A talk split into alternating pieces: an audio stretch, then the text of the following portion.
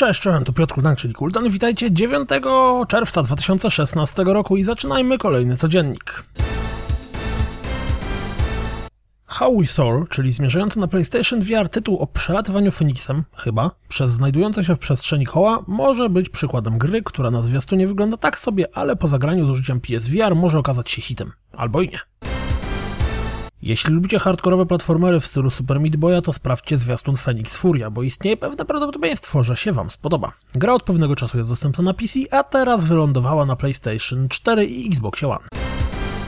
Pojawił się kolejny zwiastun Ride 2, z którego wynika, że pojawią się w niej motocykle różnego typu. Gra jesienią ma zawitać na PlayStation 4, PC i Xbox One.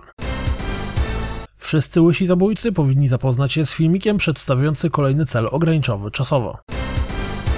Koniec z plotami. Zwiastunem oficjalnie zapowiedziano Injustice 2. Gra ma pojawić się w przyszłym roku.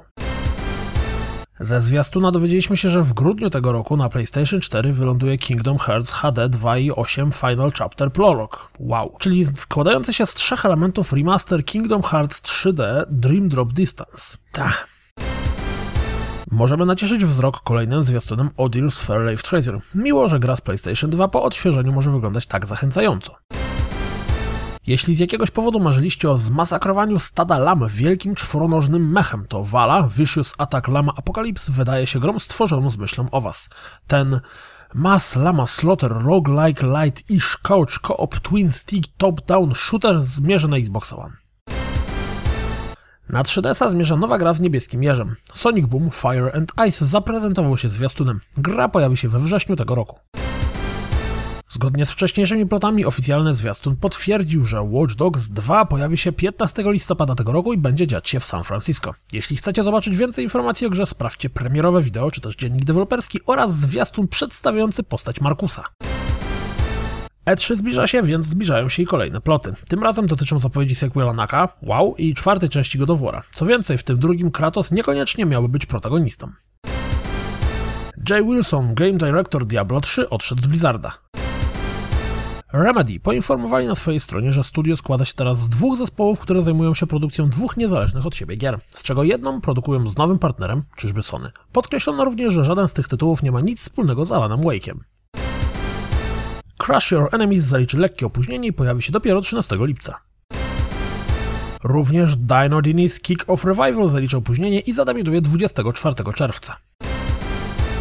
Pixelartowy, ale ładny Hurt and Slash pojawi się 24 czerwca na PlayStation 4 i Xbox One. Wersja PC-towa ma mieć premierę jakoś w sierpniu, a Early Access dostępny jest od października 2014 roku. Do Valhalla Hills zawitało nowe DLC Fire Mountains.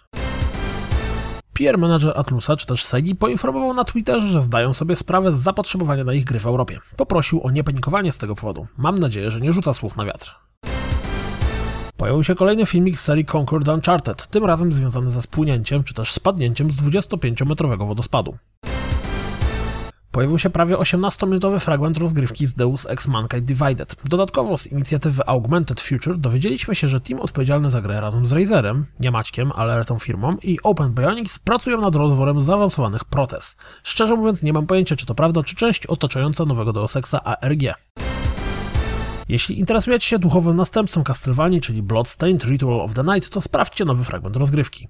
Trochę słabo.